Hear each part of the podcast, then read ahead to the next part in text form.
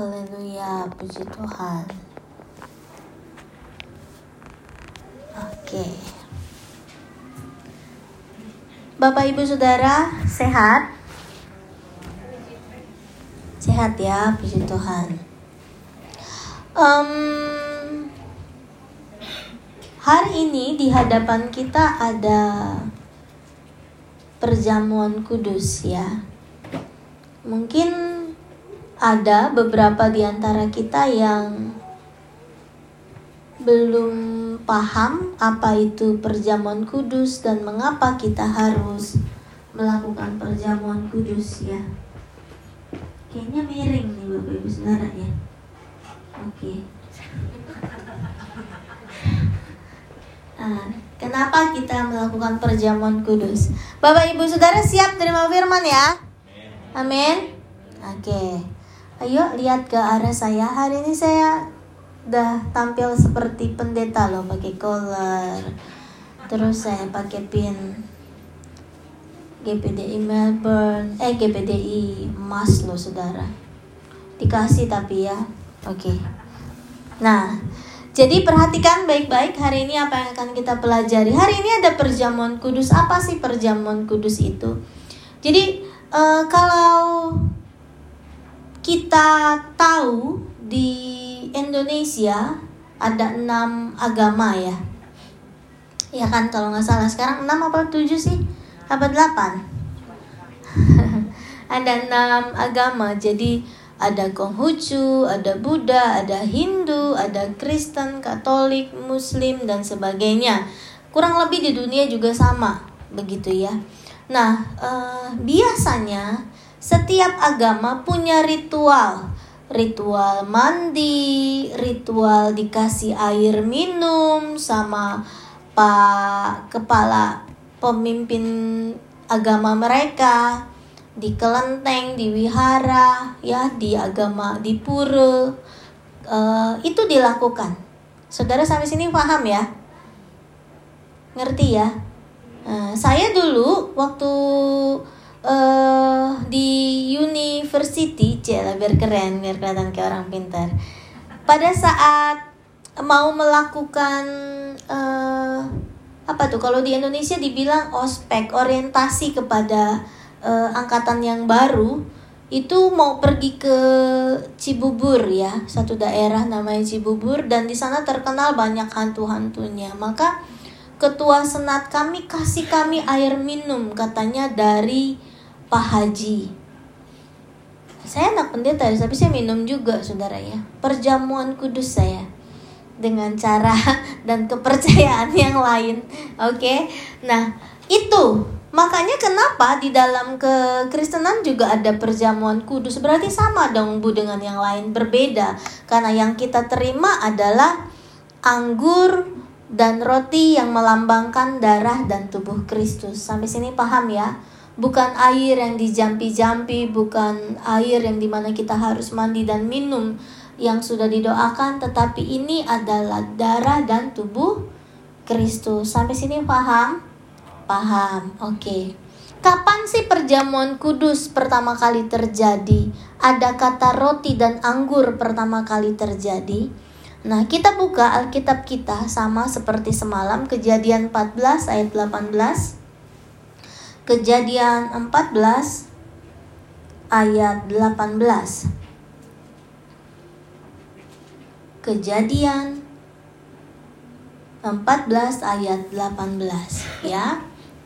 Demikian firman Tuhan. Melkisedek raja Salem membawa roti dan anggur.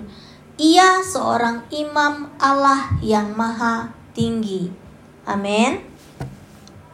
Amin gitu loh jawab Bapak Ibu Saudara. Oh, Oke, okay, gitu dong. Ya. Nah, ini pertama kali kata anggur dan roti pertama kali terdengar di Alkitab. Nah, uh, Melkisedek dan Kristus di Ibrani 7 ada perikop tentang Kristus dan Melkisedek. Jadi ini adalah suatu uh, sejarah yang saling berkaitan. Berat nih uh, firman Tuhan hari ini. Tema bulan ini adalah berkaitan dengan persepuluhan, kuasa memberi. Mari sama-sama tepuk jidat kita. Aduh. Ikutan lagi. ya. Nah, uh, apa kaitannya perjamuan kudus dengan persepuluhan ini? Ya, Melkisedek. Melkisedek ini siapa sih, Bu? Melkisedek ini seorang imam. Di kitab Ibrani dibilang tidak ada ayahnya, tidak ada ibunya, tidak ada saudaranya. Dia ditetapkan sama seperti imam Kristus, ya imam yaitu Yesus Kristus. Jadi banyak penafsir bilang Melkisedek yang di kejadian adalah gambaran Yesus Kristus yang akan datang. Tapi kita nggak akan bahas itu ya karena ini harus punya studi yang lebih dalam lagi. Tapi kurang lebih saya mau katakan itu. Jadi Melkisedek, Raja Salem membawa roti dan anggur. Ia adalah seorang imam yang maha tinggi. Dia bawa itu diberikan kepada Abraham yang sudah mengalami kemenangan melawan raja-raja yang lain, bangsa-bangsa yang lain. Sehingga hari itu Abraham bisa membebaskan banyak orang dari tawanan. Kemudian di situlah Melkisedek membawa roti dan anggur. Ini pertama kali Alkitab mencatat tentang roti dan anggur yang di kemudian hari akan di eh, apa namanya dihubungkan dengan Kristus sebagai imam besar kita.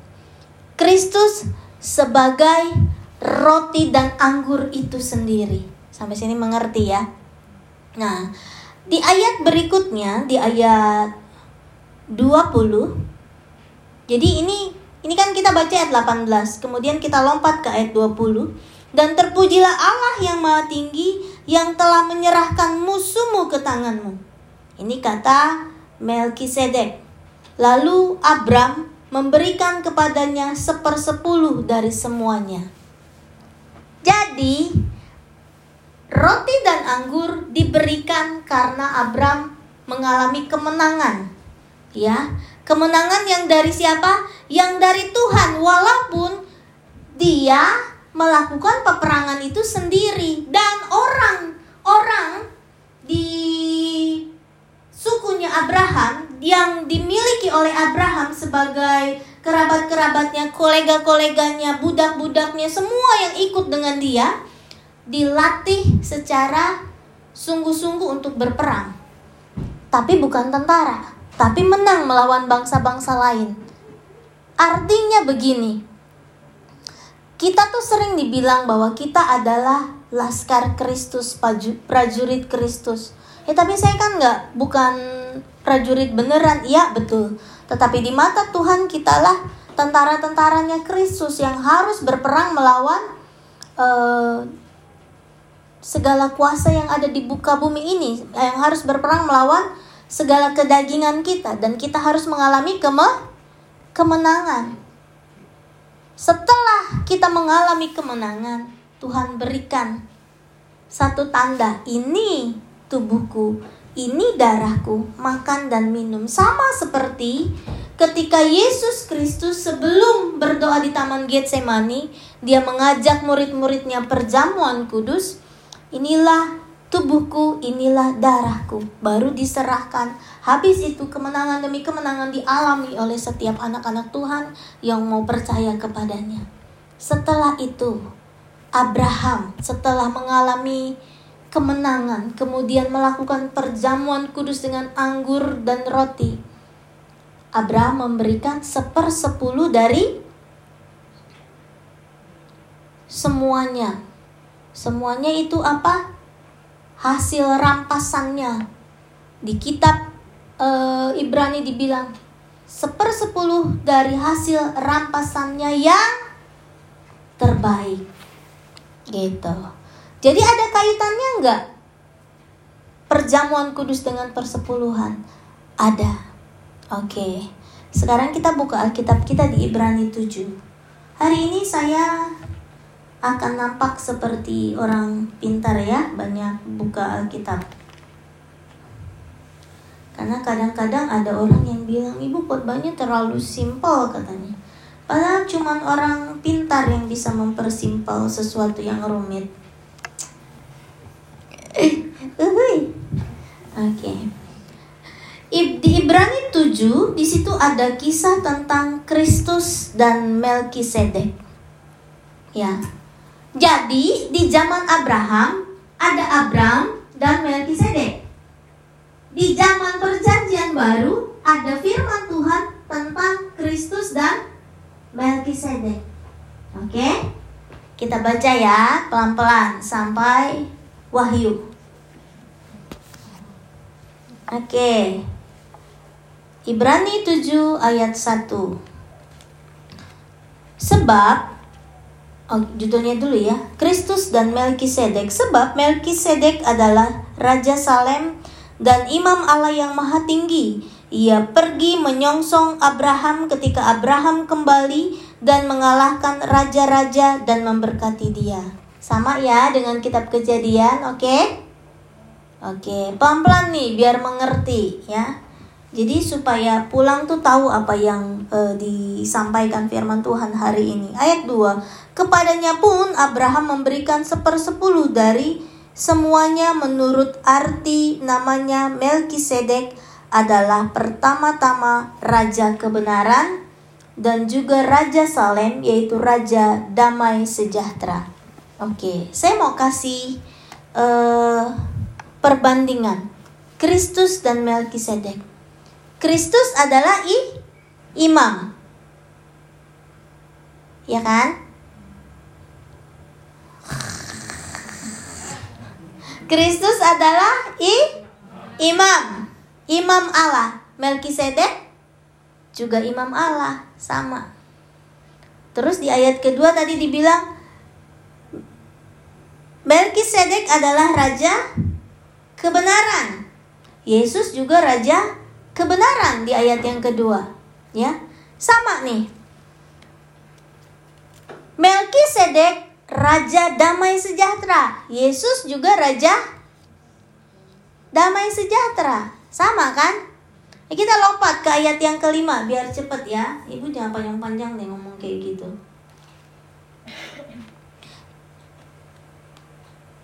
Ayat yang ke eh, jangan lima deh, Lin ayat yang ke tiga ayat yang ketiga dulu ia tidak berbapak tidak beribu tidak bersisilah harinya tidak berawal dan hidupnya tidak berkesudahan dan karena ia dijadikan sama dengan anak Allah, ia tetap menjadi imam sampai selama-lamanya. Jadi siapakah Melkisedek? Bapak Ibu Saudara saya mau kasih tahu dulu tentang begini. Kita punya Allah Bapa, Allah Anak, Allah Roh Kudus. Oke. Okay?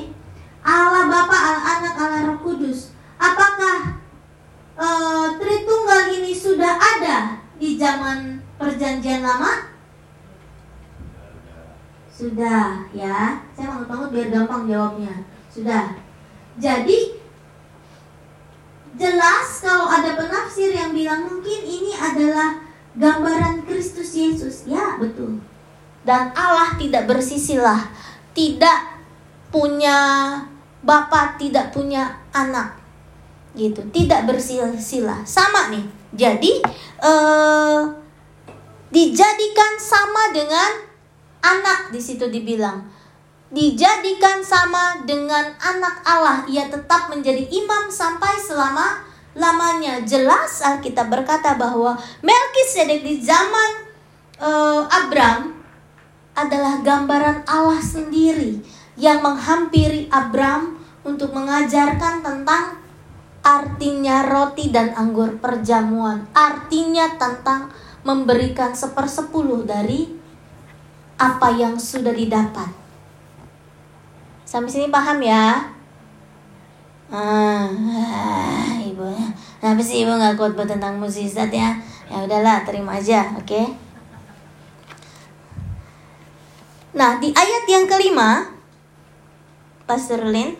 Nah, di situ dibilang dan mereka dari anak-anak Lewi yang menerima jabatan imam mendapat tugas menurut hukum Taurat untuk memungut persepuluhan dari umat Israel, yaitu dari saudara-saudara mereka, sekalipun mereka ini juga adalah keturunan Abraham. Jadi begini, Melkisedek ketika Abraham sudah menang melawan bangsa-bangsa, datang memberikan anggur dan roti seperti yang pagi hari ini ada di hadapan kita.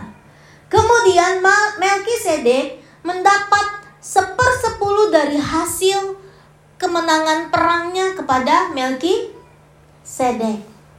Sama di zaman sekarang pun di zaman perjanjian baru pun setiap kita yang sudah memperoleh kemenangan dari darah Kristus dibebaskan dari segala dosa dan kutuk dan sudah setiap bulannya menerima perjamuan kudus dari Tuhan maka kita pun harus memberikan sepersepuluh dari apa yang sudah kita dapat di hadapan Tuhan. Paham? Jadi perpuluhan itu apa sih? Bu, persepuluhan adalah 10% dari pendapatan kita yang harus kita kembalikan kepada Tuhan melalui gereja dan rumah ibadah. Ya, jadi kalau Bapak Ibu Saudara dalam setiap gajinya dipotong tax, apa itu namanya? Dipotong kalau di Indonesia pajak di sini dibilang tax 10% ya. Itu Alkitabiah. Australia pun potongnya kurang lebih sama. Dan kita masih punya kewajiban lain yaitu mengembalikan sepersepuluhnya kepada Tuhan. Seperti kita mendapatkan gaji dan kita kembalikan kepada government, kita juga hal yang sama yang harus kita lakukan. Kita juga harus mengembalikan sepersepuluh kepada Tuhan. Kenapa? Karena kita sudah diberikan kemenangan oleh Tuhan Yesus Kristus. Kemenangan dari apa? Dari dosa, kutuk, dan sebagainya. Kemudian setiap bulannya gereja memberikan perjamuan kudus anggur dan roti, yaitu apa? Kita menjadi satu dengan tubuh Kristus, kita menjadi satu dengan darah Kristus, kita menggunakan tubuh kemuliaan dari Kristus Yesus melalui perjamuan kudus. Sampai sini paham ya?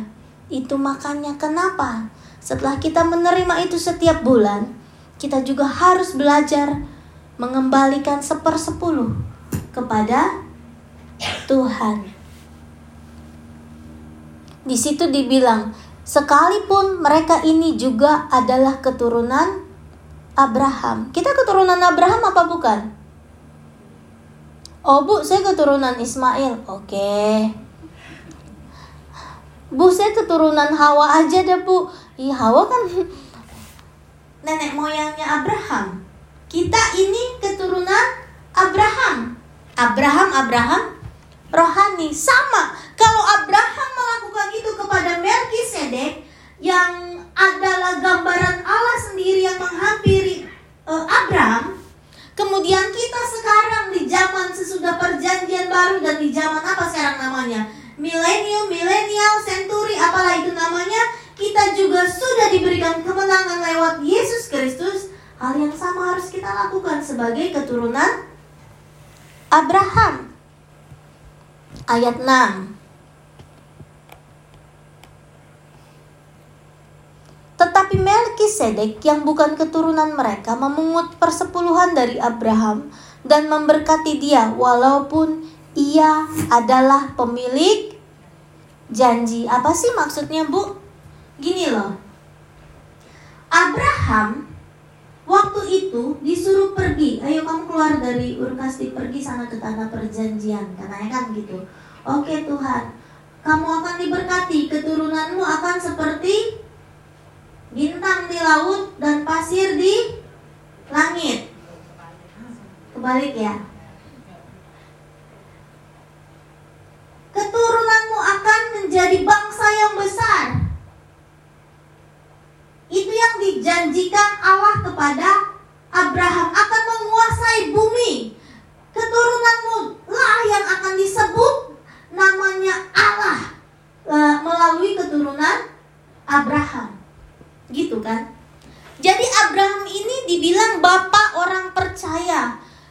Pewaris keraja, pewaris kerajaan Israel. Kita sebagai orang-orang Israel punya warisan yang sama, anak perjanjian yang sama. Gitu kan? Dari zaman perjanjian lama, perjanjian baru bahkan sampai saat ini, kita pemilik janji bukan?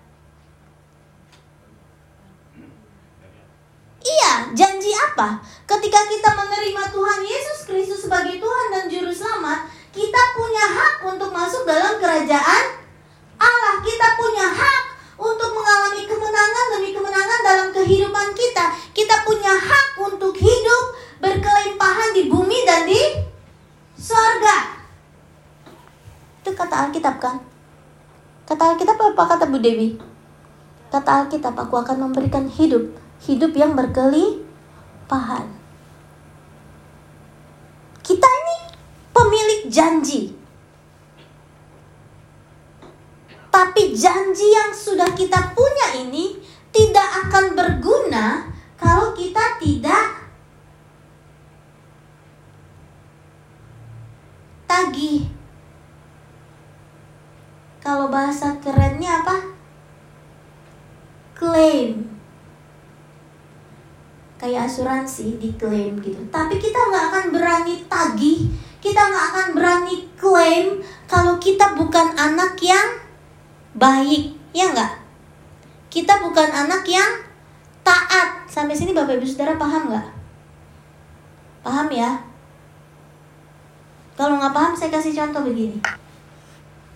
Anak saya. Ibu mah contohnya anak sendiri. Habis gimana saya mau contohin anaknya Pak Galung? Kalau Pak Galung marah kan? Gitu. Mau kasih contoh anaknya. Agung Agung belum punya anak kan? Jadi anak saya. Jadi gini anak saya tahu nggak papanya pendeta dan punya gereja GPDI Melbourne? Tahu. Dia tahu nggak mama papanya punya uh, kedai kampung? Tahu. Terus kalau dia datang ke kedai kampung dia akan bilang uh, Didu dia panggil Bu Dede Didu.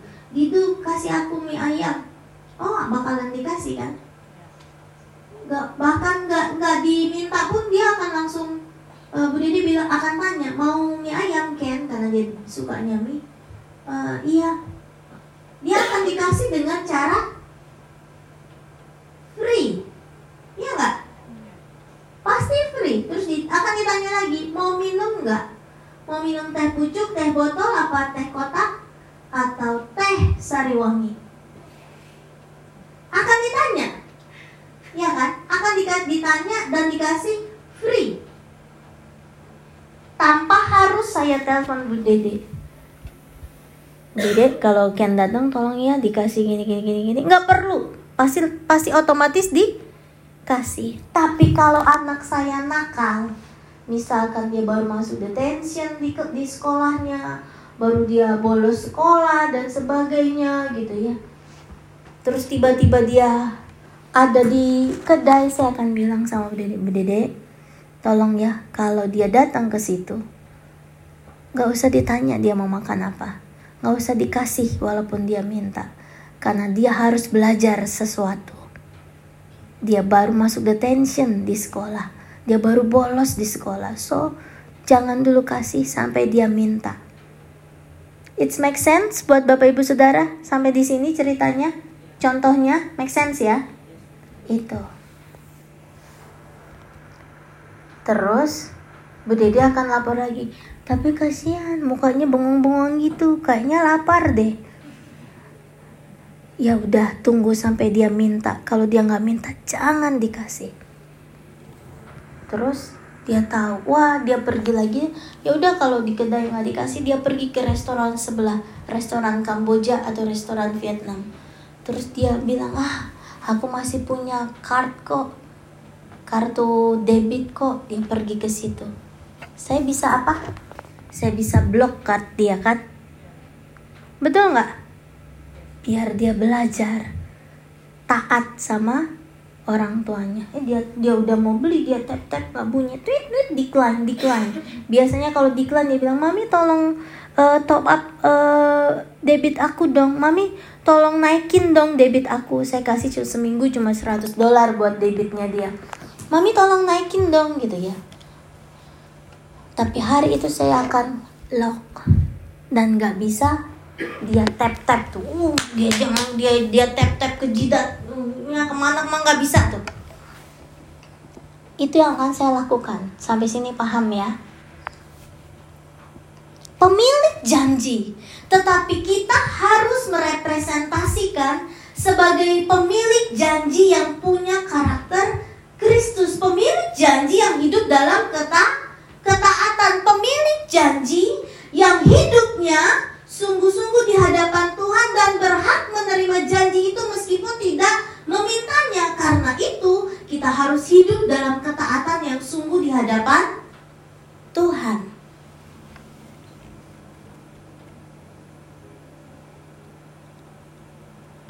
Itu namanya pemilik janji. Kita ini pemilik janji, tetapi kita harus hidup dalam keta ketaatan. Amin. Coba buka ayat 7.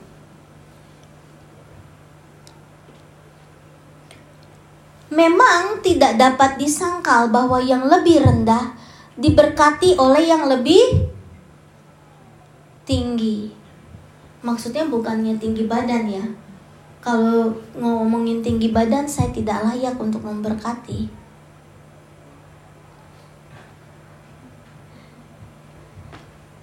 Bapa di sorga mengirimkan Yesus untuk memberkati umat-umatnya. Kemudian ada imam, kepala gereja. Itulah terus menurun kepada umat jemaat dari bapak, kepala keluarga, kepada istri, kepada anak-anaknya. Begitu jalurnya. Yang lebih rendah diberkati oleh yang lebih tinggi. Bos besar membayar gaji kepada direktur, direktur membayar gaji kepada manajer, manajer mengalokasikan gaji kepada pegawai-pegawai yang dan staff-staffnya. Sampai sini kan ini sebetulnya sesuatu yang sederhana dan saya tidak perlu mengajarkan sedetil ini.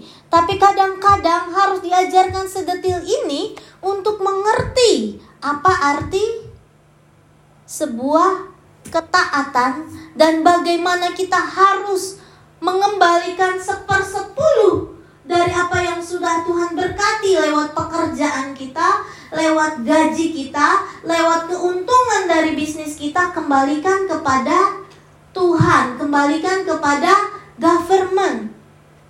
Alkitab bilang tidak ada pemerintahan yang bukan dari Tuhan. Oke, saya taat bu sama government tapi you nggak taat sama Tuhan Yesus Kristus. Nggak taat kepada Allah. Kan ini sesuatu yang melanggar ya.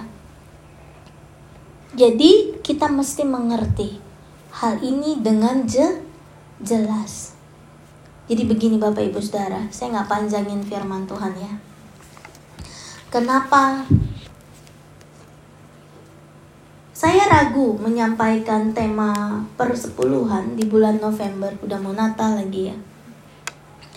Tapi ini harus disampaikan. Terus di ibadah minggu pertama lagi perjamuan. Saya susah carinya cara. Ada nggak ya hubungannya? Ternyata ada. Kenapa kita harus mengembalikan sepersepuluh dari milik kita kepada Tuhan? Karena Tuhan sudah mempersembahkan tubuhnya darahnya buat ki kita. Itulah lambang dari perjamuan kudus. Alkitab bilang tadi,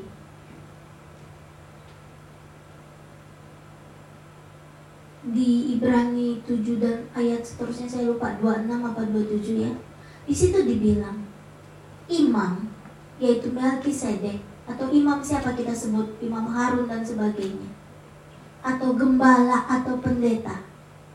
Di zaman Kristus hidup, imam kepala dan sebagainya. Mereka membawa korban bakaran, persembahan, korban bakaran seperti uh, Idul Adha dalam agama Muslim ya persembahan masuk ke dalam ruang Maha Kudus membawakan korban bakaran kambing atau domba sebagai korban penebusan do dosa setiap kita. Kemudian Yesus Kristus datang sebagai imam besar Bukan lagi dia bawa kambing domba, tapi dia bawa tubuhnya sendiri, darahnya sendiri dikorbankan sebagai persembahan yang kudus, yang agung dan yang tak bercacat celah di hadapan Tuhan. Agama yang lain, bagaimana mereka setiap tahun harus mempersembahkan korban bakaran sebagai penebusan dosa, sebagai lambang penebusan dosa dan memberkati orang lain yang dalam kekurangan. Dan kita lupa, setelah kita menerima Tuhan Yesus Kristus sebagai Tuhan dan Juru Selamat, kita nggak perlu lagi bawa korban persembahan korban bakaran. Karena Yesus sudah mempersembahkan itu dan Yesus bilang, lunas, sudah selesai. Terus karena kita dikasih free, lunas sudah selesai terus kita hidup dalam ongkang-ongkang kaki. Tidak merasa perlu menjaga hidup sedemikian rupa tidak merasa perlu mempersembahkan apa yang seharusnya dipersembahkan kepada Tuhan. Saya mau tanya Abraham menang. Perang sendiri apa enggak? Perang sendiri kita kadang-kadang merasa bahwa nggak perlu ya. Saya udah donasi ya. Saya sudah memberi menolong orang miskin orang susah dan sebagainya ya. Nggak perlu ya gitu. Seringkali kita bilang begitu ini kan hasil kerja kerasku.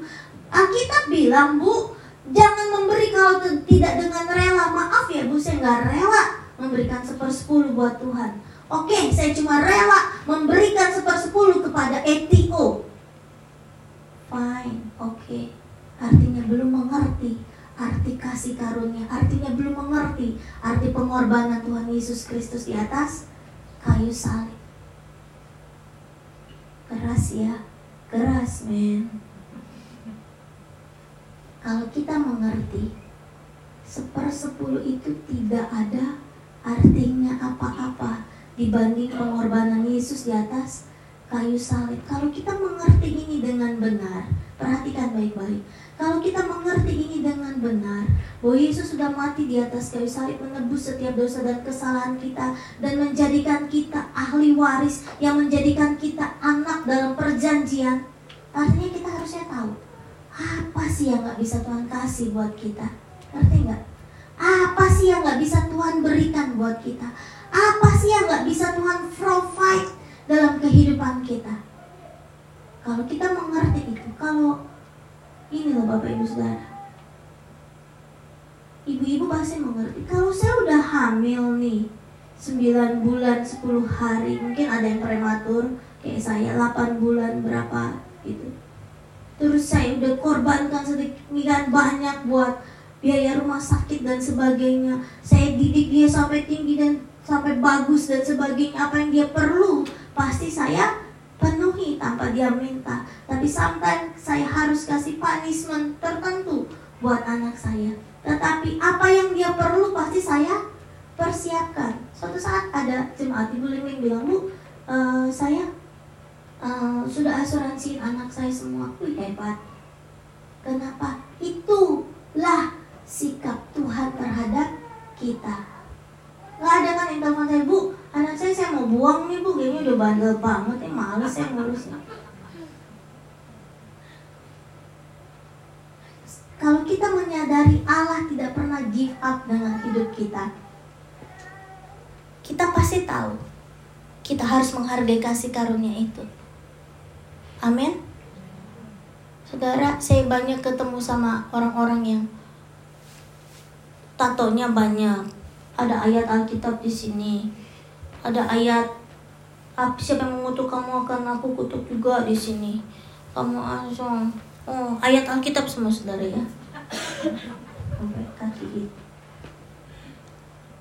ini masa lalu bu kata dia oh, oke okay.